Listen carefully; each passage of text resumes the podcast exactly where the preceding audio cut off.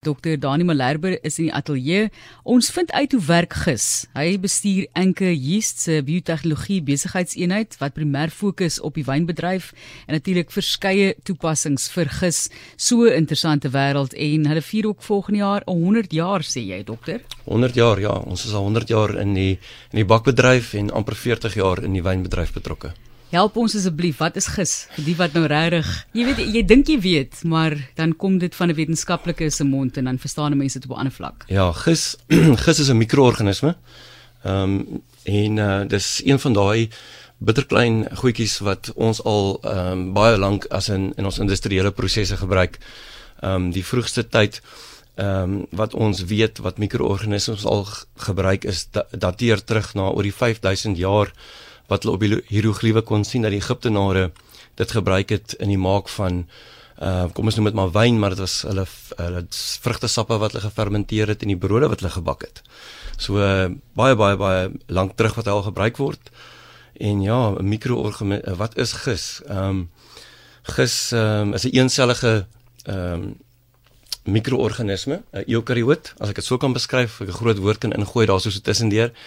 Ehm um, hy bevat 'n selwand ehm um, en membraan wat die sitoplasma, die vloeibare deel van die van die selletjie aan die binnekant beskerm en in die sitoplasma van die gesel is al sy masjinerie wat nodig is om hom te maak voortbestaan en om homself aan die lewe te hou.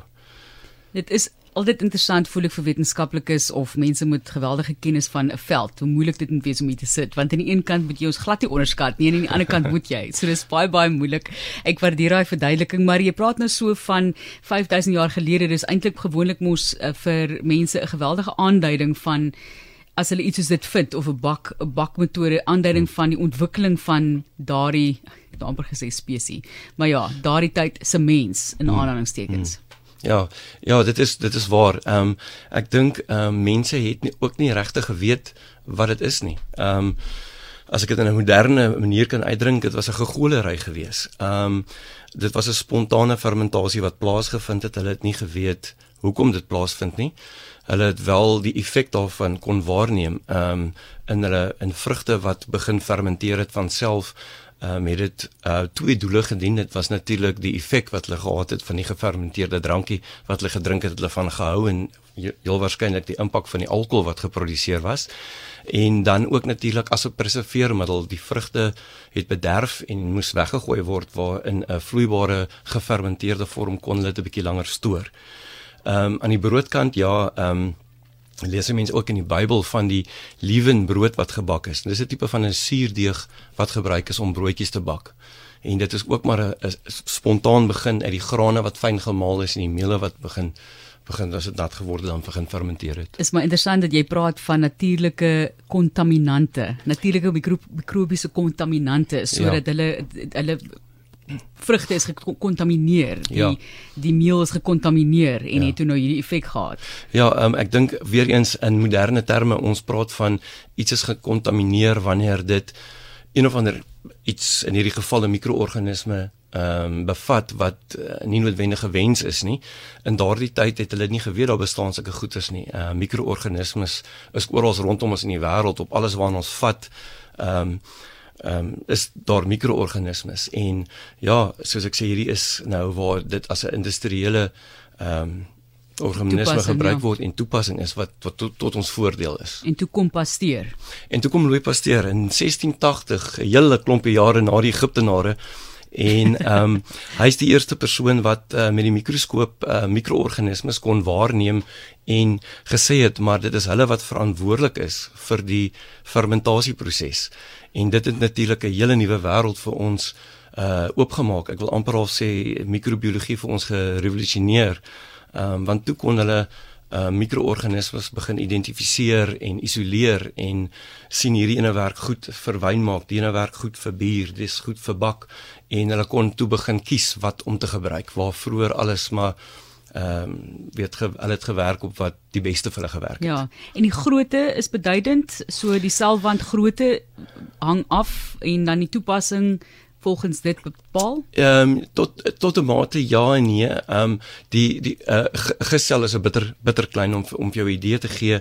Ehm um, 'n gesel kan enigiets van 3 tot 8 uh, mikrometer groot wees. Nou vir die luisteraar om dit miskien in konteks te sit, 'n mikrometer is 10 tot die mag minus 6. So jy moet die 3 gaan vat en dit gaan deel met 100 000, dan kom jy min of meer uit op hoeveel meter lank 'n geselletjie is. So hulle is bitter klein. Jy kan hom nie met die blote oog sommer sien nie. En werk hard. En werk hard, ja. so tussen deur gesels ons ook oor juist dan nou hoe gis werk. So die groei toestande. Gee vir ons 'n idee. Kyk, ek is baie lief vir broodbak. Ek ja. kan nou nie self wyn maak nie, ongelukkig. Ek wens ek kon. Maar ja, broodbak is dis my fascinerend. Dis die lewende vorm en jy het baie keer eintlik ook nie eens vreeslik baie gis nodig nie. 'n Druppeltjie gis, maar jy moet hom net lekker lank los dan laat loop hy en word heerlik gevoer ja. deur die meel. Ja, so ehm um, daar's verskillende kom ons noem dit nou maar substrate wat die gis gaan gebruik. Dis sy substrate, sy voedingsmiddel wat hy nodig het om aan die om aan die lewe te bly. Ehm um, in in in die bak is dit obviously die meel wat ons gebruik. As ons wyn maak is dit die druiwesap en as ons bier maak dan is dit ehm um, barley hops mengsels wat ons wat ons aanmaak.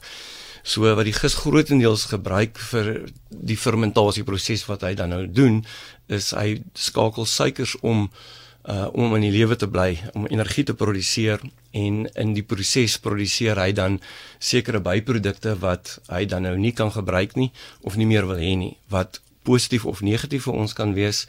Ehm um, die basiese produk wat hy gaan uitskei, ehm um, Andre suiker, gewoonlik glikose metaboliseer is alkohol en CO2 gas, koolsuurgas. Ja. So die alkohol is wat ons in die wyn het, dit preserveer die druiwesap en um, dit is wyn as produk dan. Dieselfde met bier. Bier het net 'n ander proses want ons maak gebruik van stysels. So daar's 'n verhoudingsproses om die suiker vry te stel en dan het jy die bierfermentasie wat dan plaasvind. En in in um, dit gee ook die koolsuurgas af en die omskakeling na alkohol. En in die bakbedryf soek ons eintlik die koolsuurgas want um, as jy jou meel aanbak dan is daar gewoonlik 'n stap in die broodbakproses wat jy die, om laat staan 'n bietjie op 'n oond wat warm is dat hy net so 'n bietjie kan begin rys. En die brood of die meel wat begin rys is eintlik die gis wat CO2 gas begin of koolsuurgas begin vrystel en dit maak hom lekker fluffy en en eer en help hom om te rys dan. En dan kyk 'n mens ook na die natuurlike werkinge van die uh, natuurlike gis in ons omgewing. As jy nou dink aan mense wat byvoorbeeld met aartappels uh, brood wil aanmaak of 'n natuurlike gisplantjie wat jy weet suurdeeg die hele wêreld het dit probeer tydens ja. Covid ek ja. ook En dan maar ek het hom so een broodjie daar uitgekry, maar dis werk. Jy moet hom in die lewe hou en jy weet dit is nogal groot groot werk. Hoe verskil dit van ja, byvoorbeeld so, dit wat julle dan nou vir mense bied? Ja, dit uh, daar is 'n verskil. Ehm um, spontane fermentasies is iets wat 'n mens natuurlik nie altyd kan beheer nie. Ehm um, en die groot uitdaging is jy weet nooit wat is in jou mengsel nie. Uh daar kan verskillende tipe giste wees, gisrasse, gespesies wees wat almal verskillende uh kenmerke het en verskillende goeders kan kan bring ehm um, na die tafel toe. Ehm um, en daar kan ook bakterieë wees. So jy wil nie noodwendig dalk 'n ongewenste mikroorganisme hê nie. So dis gewoonlik die uitdaging met spontane fermentasies wat jy kry. Uh in ons geval wat ons doen is ons produseer spesifieke gisrasse ehm um, wat dan aangewend word vir spesifieke ehm um, industriële prosesse byvoorbeeld broodbak, wyn maak of uh, bier maak. Julle sê dat daar word geraam dat gis ongeveer 23% van sy genoom met die mense deel. Ja. En vertel jy vir ons 'n bietjie van daardie deel van hierdie oudste reismiddels soos hulle sê. Ja, ehm um, ek dink ehm um, dit raak nou 'n bietjie meer as ons met na genetika begin kyk en dit wat verantwoordelik is vir vir die prosesse binne in die gis. So die gis het het sy genoom um, wat al sy DNA bevat en ons verwys gewoonlik na al die basispare en daar is uh, oor 100 000 basispare binne in die gis genoem, um, net so oor die 6000 gene en elke geen is verantwoordelik vir 'n ensiem. So daar word 'n ensiem dan nou gemaak van 'n geen af, as ek dit sou kan beskryf, en daai geen is dan nodig om 'n sekere proses binne in die gesel dan te dryf. En daai hele proses bestaan uit 'n klomp tipe van reaksies en 'n geen vir elkeen van hierdie prosesse wat nodig is. En ja, as jy mense dan nou gaan kyk na die gisse genoom en die mense genoom, dan stem hulle so 23% met mekaar ooreen. Ek is nie seker of daar mense altyd 'n verwantskap kan sien tussen van ons kollegas en die gis nie, maar dit hang af hoe hard jy kyk, dink ek in sekere gevalle. is Dr. Dani Malherbe in die ateljee. Ons praat oor gis en hoe dit werk en hy bestuur Enke Yeast se biotehnologie besigheidseenheid wat primêr fokus op die wynbedryf. So vertel vir ons wat julle doen en hoe gis dan op kommersiële vlak vervaardig word. Ja, so ehm um, ons wat in die wynindustrie kyk, ehm um, daar's natuurlik heelwat verskillende produkte, nie net gis nie. Ehm um, wat ons kyk uh om die hele proses te vergemaklik of aan te help of sekere probleem, 'n potensiële probleme uit die weg te ruim of aan te spreek of te verhoed. Ehm um, maar as ek terugkom na gis toe, ehm um, ja, daar is ehm um, ek dink tans net so oor die 400 verskillende wyngisrasse uh waaruit 'n wynmaker kan kies in die wêreld uh om te gebruik en gewoonlik gebruik hulle maar een uh om die fermentasie te doen in sommige gevalle is dit mengsels van verskillende gisse om sekere geurprofiele vir hulle te skep. Ehm um, ons as Anchor Yeast wanneer ons gis maak, ons ehm um, aanleg is in Durban gevestig en wat ons daar doen is ehm um, ons het 'n spesifieke gisras wat ons sal selekteer vir 'n spesifieke proses. Dit word dan ehm um, baie steriel hanteer om seker te maak dis dit is net daai spesifieke ras waarmee ons werk. Ehm um, dit word opgegroei in 'n fles. Die fles word dan oorgedra ook alles steriel na 'n groter fermentasievat. Uh later dan opgegradeer as ek dit sou kan sê dat ons by 'n tank volume of grootte uitkom en ehm um, ja, ehm um, wanneer hierdie proses dan verby is, dit neem omtrent so ehm um, 24 uur om 'n om 'n fermentasie te loop, dan eindig ons met so tussen 20 en 30000 kg gis.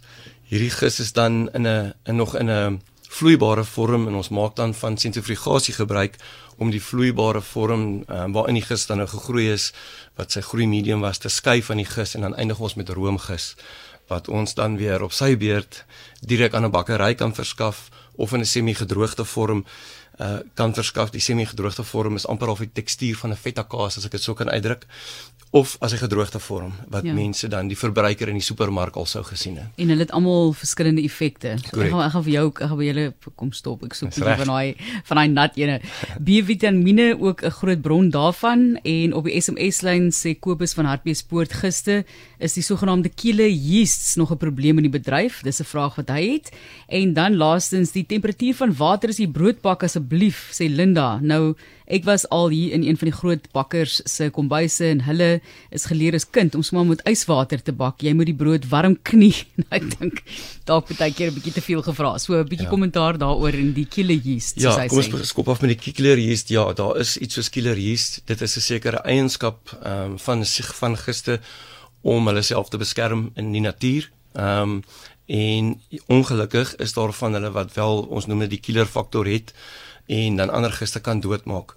Ehm um, ons kies natuurlik giste van so 'n aard vir alles wanneer ons wil hê 'n sekere gis moet saam met 'n ander gis werk dat hulle nie hierdie killer faktore het om produseer nie.